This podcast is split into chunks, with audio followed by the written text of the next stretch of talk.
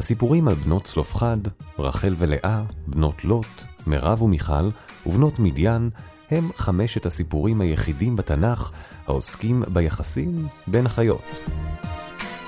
מה מייחד את האחיות האלה ומה ניתן ללמוד מהסיפור שלהן על מעמד האישה במקרא. בר דעת, הפודקאסט של אוניברסיטת בר אילן. והפעם, דוקטור עסקה זמרן, מרצה במחלקה לתנ"ך.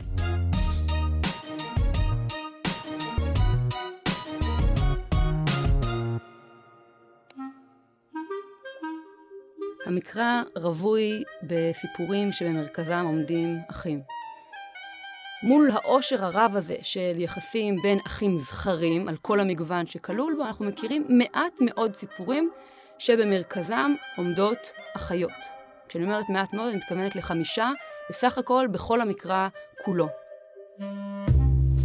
יש פער מספרי עצום בין כמות הסיפורים שעוסקים באחים והכמות הקטנה של הסיפורים שעוסקים באחיות, וזה מעלה את השאלה מה המשמעות של אותו פער אה, מספרי אה, בין הסיפורים. האם זה קשור למעמד של נשים במקרא בכלל, או שמא זה קשור לאיזושהי התייחסות ספציפית אה, לעניין האחיות במקרא. מה בכל זאת, חמשת הסיפורים האלה, על אף המגוון שלהם, על אף המיקום השונה שלהם, מה הם מלמדים אותנו על מעמדן של אחיות, על המקום שלהם בתוך בית האב, על המקום שלהם בתוך החברה. ומה נוכל לחלץ, למרות שזה מעט סיפורים, מה נוכל לחלץ על ההבדל בין אחים ובין אחיות בתקופות המקראיות. כדי שנוכל להתחיל לענות על השאלות האלה, נצטרך לעמוד על דמיון והבדלים בין הסיפורים, ומתוכם להעלות אה, עובדות ונתונים שנוגעים לאחיות במקרא.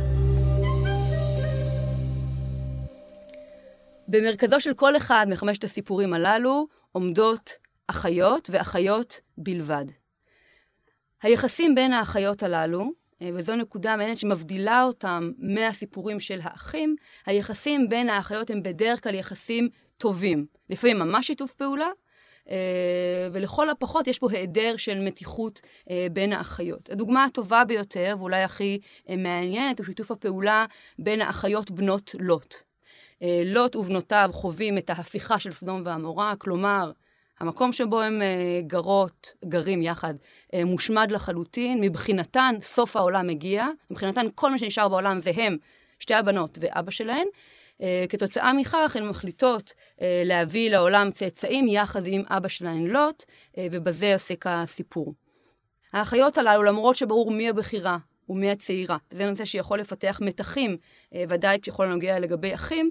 האחיות הללו פועלות בשיתוף פעולה מלא, כשהבחירה יוזמת, והצעירה פועלת בהתאם לתוכנית של אחותה, אה, ובדיוק לפי הכללים שהיא מציבה. אנחנו יודעים במקרא שככל שיש דמיון רב יותר בין ההצעה או בין הצו לבין הביצוע, זה מעיד על ביצוע מלא יותר, על שיתוף פעולה מלא יותר בין הדמויות. וכך האחות הבכירה מציעה את הרעיון שלנו כקוראים מודרניים קשה לשמוע. ותאמר הבכירה אל הצעירה, אבינו זקן, ואין איש בארץ לבוא עלינו כדרך כל הארץ, אנחנו פה לבד בעולם, אין המשך, זה רק אנחנו והוא. לך נשקה את אבינו יין ונשכבה עמו, ונחיה מאבינו זרע. אנחנו אה, נלד צאצאים כדי להמשיך את העולם או להמשיך את בית האב שלנו באמצעות אבא שלנו. הבכורה עושה כפי שהיא הציעה, והצעירה עושה כפי שהבכורה עשתה, באותן מילים, וכפי שהבכורה גם הציעה, והדבר הזה מציג שיתוף פעולה מלא ברמה הספרותית והעלילתית בין שתי הבנות הללו. למרות המתיחות שיכולה להיווצר פה, הן פועלות בשיתוף פעולה מלא.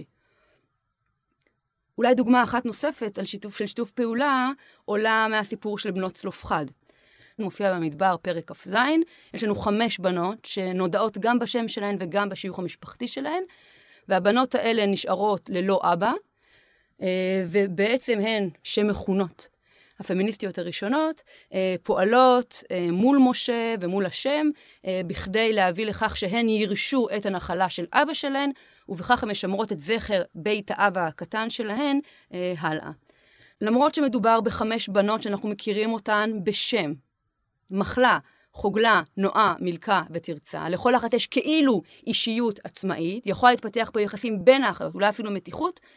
בסיפור הזה במדבר פרק כ"ז הן מוצגות כדמות קיבוצית, כלומר כדמות אחת שבתוכה קיימות חמש דמויות נפרדות, הן פועלות בשיתוף פעולה מלא, כל הפעולות שלהן נעשות בלי הפרדה ביניהן, שאנחנו לא יודעים מי הבכורה, מי הצעירה, מה הרצונות האישיים שלהן, כולן פועלות יחד, ושוב, ההצגה הספרותית משקפת את השיתוף הפעולה העלילתי בין הבנות הללו. הסיפור היחיד שבו יש מתיחות בין האחיות הוא הסיפור של לאה ורחל, שבעקבות החלטה של אבא שלהן, מגיעות למצב של מאבק ותחרות על ליבו של הבעל האחד המשותף שלהן, והוא יעקב. תחרות שלא הייתה קורית אלמלא אבא שלהן היה משיא אותן לבעל אחד, שפועלות מצד אחד כדי להשיג את לב הבעל, ומצד שני כדי להשיג זו את זו, להתחרות זו בזו. בסיפור הזה המתיחות בין האחיות מוצגת לשלילה. כלומר, הסיפור מבקר אותן על המתיחות. אה, אם אני אקח פסוק אחד אה, לדוגמה, ותרא רחל כי לא ילדה ליעקב, ותקנא רחל באחותה. כלומר, המתיחות פה היא מתיחות מול אחות, דווקא כי אחותה, ואולי למרות שהיא אחותה, ויש כאן איזושהי ביקורת סמויה כלפי ההתנהגות שבין שתי האחיות הללו, ולכן התחושה הכללית היא שהסיפור, או הסיפורים, מצפים שישררו יחסים טובים בין האחיות, זו הציפייה מהן, כך זה קורה גם בדרך כלל, וגם מהסיפור של המתיחות ביניהן, הסיפור של לאה ורחל, אנחנו לומדים על דרך השלילה מה היה מצופה מהן בתור אחיות. אחיות בתוך בית אב משותף אמורות, ובדרך כלל זה גם קורה, אמורות אה, לשקף תפיסה של ערבות הדדית, לדאוג אחת לשנייה, לאהוב אחת לשנייה ולפעול בשיתוף פעולה.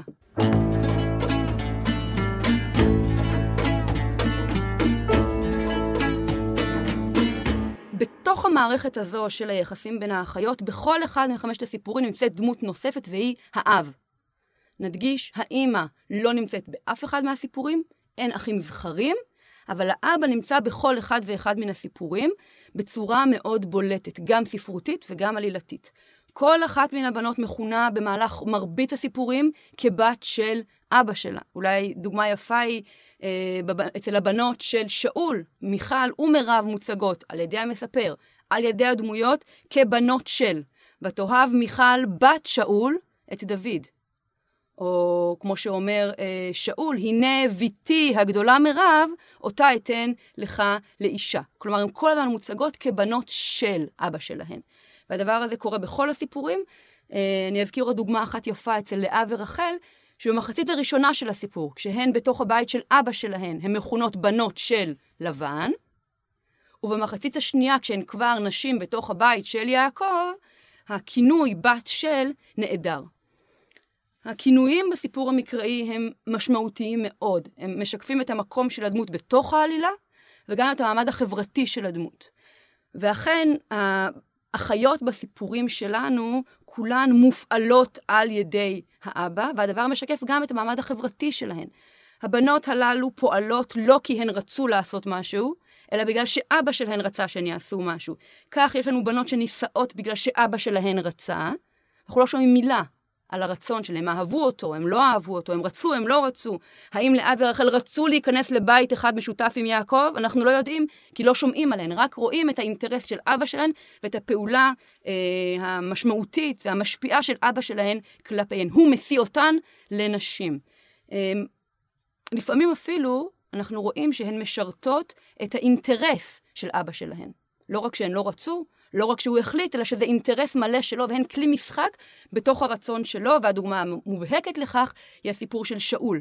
שתי בנות, מירב הבכורה ומיכל הצעירה, אה, שוב שתיהן נישאות במצוות אבא שלהן לאיש אחד, הלא הוא דוד המלך.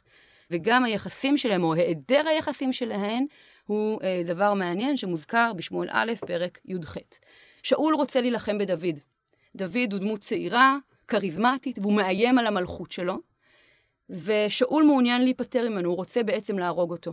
והרעיון שלו הוא שאם הוא אה, יכריח אותו ללכת למלחמה תמורת איזשהו רצון נחשק, דוד ימות במלחמה ושאול יוותר לבדו כמלך על ישראל. שאול מציע לו את מירב, ואחר כך גם את מיכל, שתיהן בנותיו ומוצגות כבנותיו, תמורת מלחמה נגד הפלישתים. לך להילחם הפלישתים, אם תנצח תקבל את ביתי. שאול מניח שהוא ימות.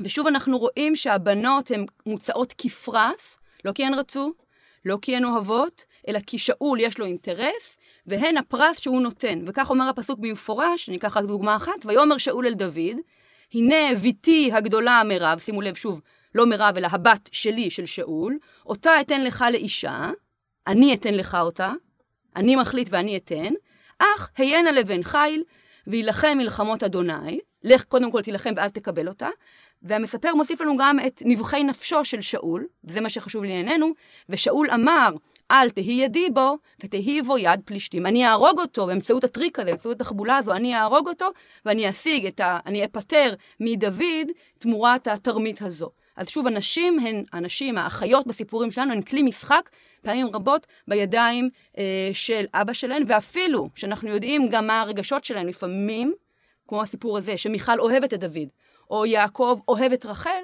האהבה היא לא הטריגר, היא לא המניע לנישואין, אלא הרצון של אבא שלהן, שהוא למרות האהבה, למרות מה שהן רוצות, מה שאבא רוצה, האינטרס שלו, הוא המניע במכלול הסיפורים האלה.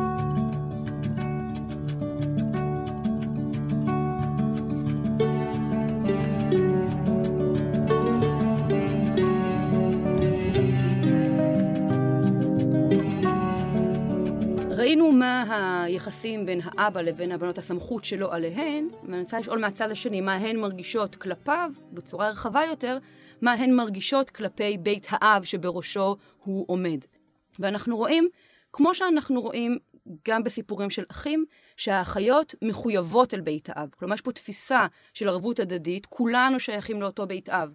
מה שאנחנו עושים משפיע על בית האב שלנו, ומה שכלל הנמנים עם בית האב עושים משפיע גם עלינו, והאחיות משחקות בתוך המשחק הזה. הן מודעות לזה והן פועלות על פי זה. דוגמה מאוד יפה לכך היא הסיפור של הבנות של כהן מדיין בשמות פרק ב'.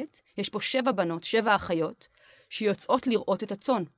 זה אולי מקרה פחות רווח בחשיבה שלנו. הבנות הן אלה שיוצאות לראות את הצאן, הן הולכות להשקות את הצאן, ואנחנו יודעים שעיסוק במקצוע המשפחתי, בפרט בראיית צאן, משקף הכרה במבנה של בית האב ובצרכים שלו, והאחיות מבינות מה הצרכים של בית האב, והולכות לראות את צאן אביהן, כמו שאומר הפסוק במפורש, וזה משקף את ההכרה שלהן בהשתייכות לבית האב ובדרישה מהן להיות שותפות ולעשות כמה שיותר להצלחתו של בית האב. גם בנות צלופחד במדבר פרק כ"ז, בעצם פועלות מתוך רצון לשמור על בית האב. הן פונות בפנייה חריגה אל משה, והוא פונה בפנייה חריגה אל השם, כדי לאפשר להן לשמור על הנחלה המשפחתית בתוך בית האב שלהן. שמירה על הנחלה בתוך בית האב מאפשרת את הקיום של בית האב לדורות. כלומר, הפעולה הקטנה שלהן, יש לה השפעה על האפשרות של בית האב הזה בכלל להתקיים. זה המניע שלהן, וזו גם ההצלחה שלהן. חלק מן הדאגה לשמירה על בית האב זה העיסוק בהמשכיות, ההמשכיות הפיזית, הצאצאים. אם יהיו לבית האב צאצאים, לא רק נחל אלא גם צאצאים, בית האב יוכל להמשיך. ובהתאמה, כל חמשת הסיפורים, שבמרכזם עומדות האחיות, עוסקים בשאלה של המשכיות. לפעמים זה נישואין, ולפעמים זה ממש העיסוק בלידה. המניע של הסיפור הוא פעמים רבות שאלת הילודה. אולי הדוגמה הכי טובה לכך זה הסיפור של לאה ורחל. מרגע שהן שתי אחיות בביתו של בעל אחד יעקב, הן כל הזמן פועלות בשביל ללדת, בדרכים שונות ומשונות ומשקיעות בזה מאמץ רב מאוד. בעצם, ככל שהן ילדו יותר ילדים, המעמד שלהן כנשים יהיה גבוה יותר בתוך ביתה, והם ינצחו בתחרות הזו אחת מול השנייה. כלומר, התחרות היא על מי ילד יותר, והלידה היא האמצעי שלהן לשפר את המעמד שלהן בתוך ביתו של יעקב. בנושא הזה, כמו בנושאים אחרים, הסיפור של בנות לוט הוא קצת חריג.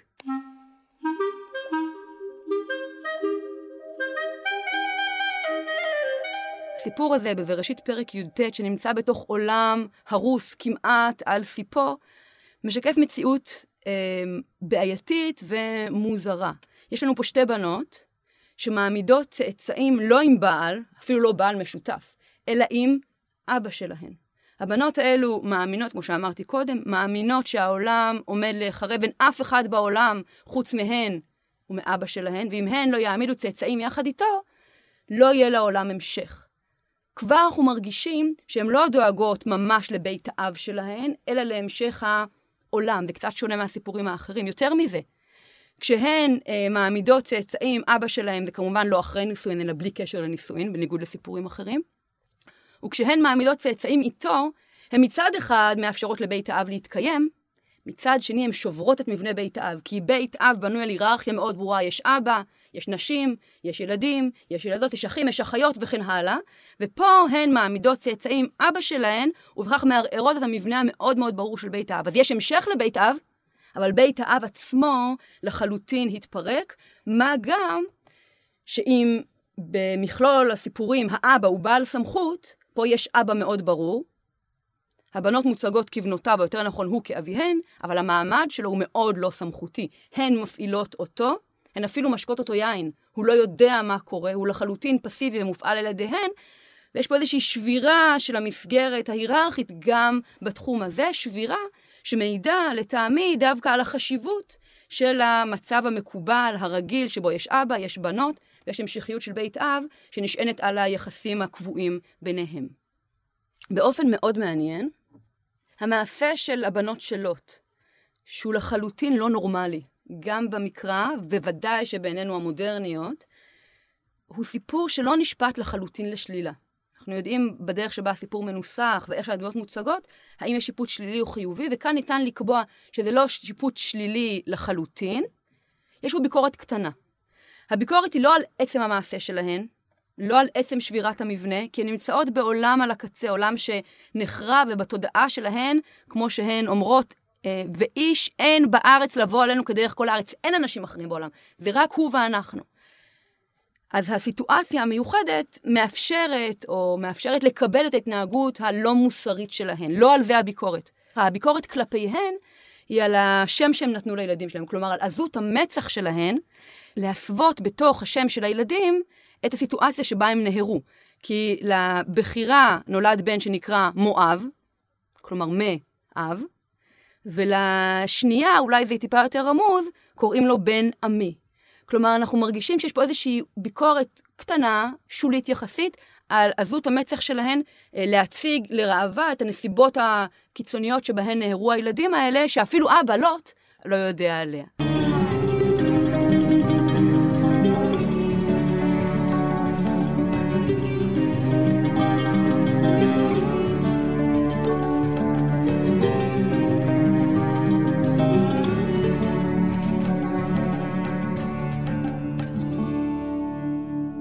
דיברתי על uh, המשכיות ועל החשיבות של ההמשכיות לאחיות ולבית האב, יש פה עוד נקודה אחת מעניינת שהיא מאפיינת את סיפורי האחיות ומבדילה מהסיפורים של האחים.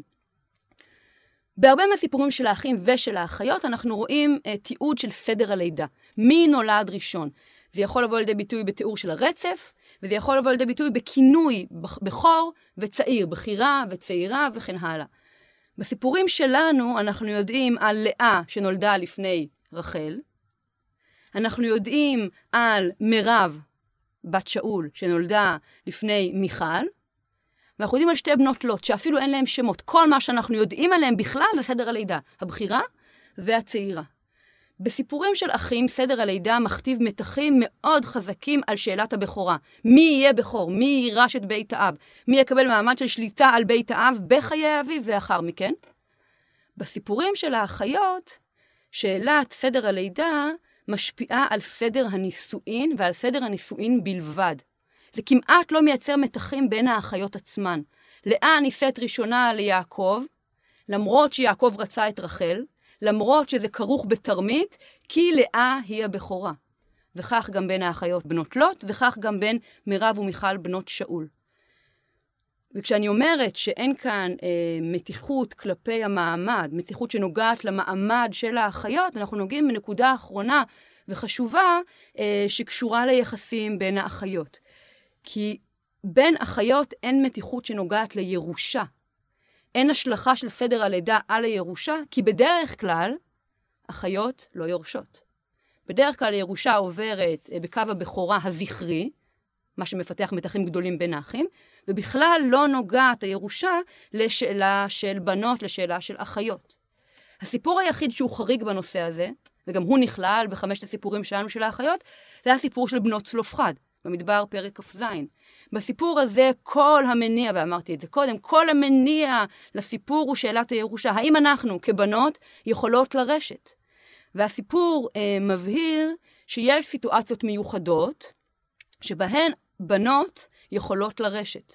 קודם כל, כאשר יש אח במשפחה, לא משנה מה הסדר שלו אה, בתוך המשפחה בין האחים, כשיש אח, הוא יורש והן לא זכאיות לרשת. רק כאשר אין אחים, יש לנו משפחה רק עם בנות, במקרה הזה יש אפשרות שהבנות יירשו. אבל, ופה שוב השוואה בין האחים לבין האחיות, אין השפעה של סדר הלידה על סדר הירושה. אם אצל בנים, באופן טבעי, הבכור הוא יורש חלק ניכר יותר, יש מאבקים כי הבכורה יכולה לעבור. אצל בנות לא משנה סדר הלידה, כולן יורשות בעצם באיזשהו מובן במשותף, או בצורה שווה, את הירושה של אבא שלהן. ולכן, ופה זה מעניין לראות, בסיפור של בנות צלופחד אנחנו לא יודעים מי הבכורה, אנחנו לא יודעים מה סדר הלידה. אין השפעה בסוגיה של ירושה, ולכן סדר הלידה הוא לא קריטי בסיפור מן הסוג הזה. בסיפורים האחרים שבהם השאלה של הנישואין, אה, של הבאת הילדים, היא קריטית, סדר הלידה מופיע ומופיע בצורה חזקה ואפילו גם בצורה אה, חוזרת. העובדה שאחיות בדרך כלל לא יורשות, ואם הן כן יורשות, אין משמעות לסדר הלידה, אין השפעה על המקום במשפחה, על האחוז, אה, על נתח הירושה שתקבל או שתקבלי, משפיעה על מערכת היחסים בפועל בין האחיות. כלומר, יחסים טובים, יחסים של ערבות הדדית, של דאגה אחד לשני, אמורים להתקיים בין כל הנמנים מבית האב, והמגדר לא משנה. יהיה זה אחים, יהיו אלה אחיות, ויהיו אלה אחים ואחיות. זה לא משנה. בפועל, מכיוון שהמעמד בתוך המשפחה מאוד משפיע על שאלת הירושה אצל אחים זכרים, אנחנו רואים המון מתיחויות בין אחים. אצל אחיות, אה, מכיוון שרק במקרים נדירים הן יורשות, ומכיוון שאין השפעה בפועל על סדר המשפחה, על הנתח שתקבל האחות, אנחנו לא רואים מתיחות. כלומר, המימוש בפועל ודאי שהוא קשור אה, להשפעה או לתנאים שבהם אחיות יורשות, ובכלל לאפשרויות שפרוסות בפני אחיות אה, בתוך בית האב. כמו שראינו בעיסוק קצר בחמישה סיפורים שבמרכזם עומדות אחיות, הסיפורים הללו פותחים בפנינו קודם כל את העולם של האחיות, כלומר מה מקובל ומה לא מקובל בין אחיות, מה מצופה מהן ומה קורה בפועל, קונבנציות חברתיות שנוגעות לאחיות. באופן רחב יותר, הסיפורים הללו משקפים בין שאר סיפורים אחרים מה מקובל בתוך בית אב. הידע שלנו על העולם המנהגים ועל עולם החוקים המשפחתי לא נובע רק מהחוקים המקראיים, אלא גם, ואולי אפילו בעיקר, מהסיפורים המקראיים, ובכללם גם סיפורי החיות. מה מצופה בתוך בית אב, אילו יחסים היררכיים קיימים, מתי בית האב יכול להישמר ומתי הוא מתפרק. כל הדברים הללו עולים בין השאר גם באמצעות סיפורי החיות. ובאופן רחב יותר, הסיפורים של האחיות גם משקפים את מעמדן של הנשים בכלל, לאו דווקא האחיות, מעמדן של הנשים במקרא. מה היה מצופה מהן להיות לדוגמה ולדניות? מה היה פתוח בפניהן? מה היה סגור? איזה מקום להשפעה היה להם בכל זאת בתוך החברה שבתוכה הם חיו? ובעצם הסיפורים הללו הם אחת מן הדוגמאות הספציפיות למעמדן הרחב והעקרוני יותר של הנשים. ולכן אולי יהיה נכון אה, לומר שהסיפורים הללו, אה, שבמרכזם עומדות האחיות, מציגים את ההשפעה של נושאים מרכזיים בעולם, בעולמם של האנשים המקראיים ובעולמן של הנשים המקראיות על היחסים בין האחיות בתוך בית האב. תודה שהאזנתם לנו. באפליקציית בר דעת תמצאו עוד הרבה פודקאסטים מרתקים, גם בנושאים דומים וגם בתחומי ידע שונים לגמרי. בואו לגלות אותם. בר דעת, אפליקציית הפודקאסטים של בר אילן, משפיעים על המחר, היום.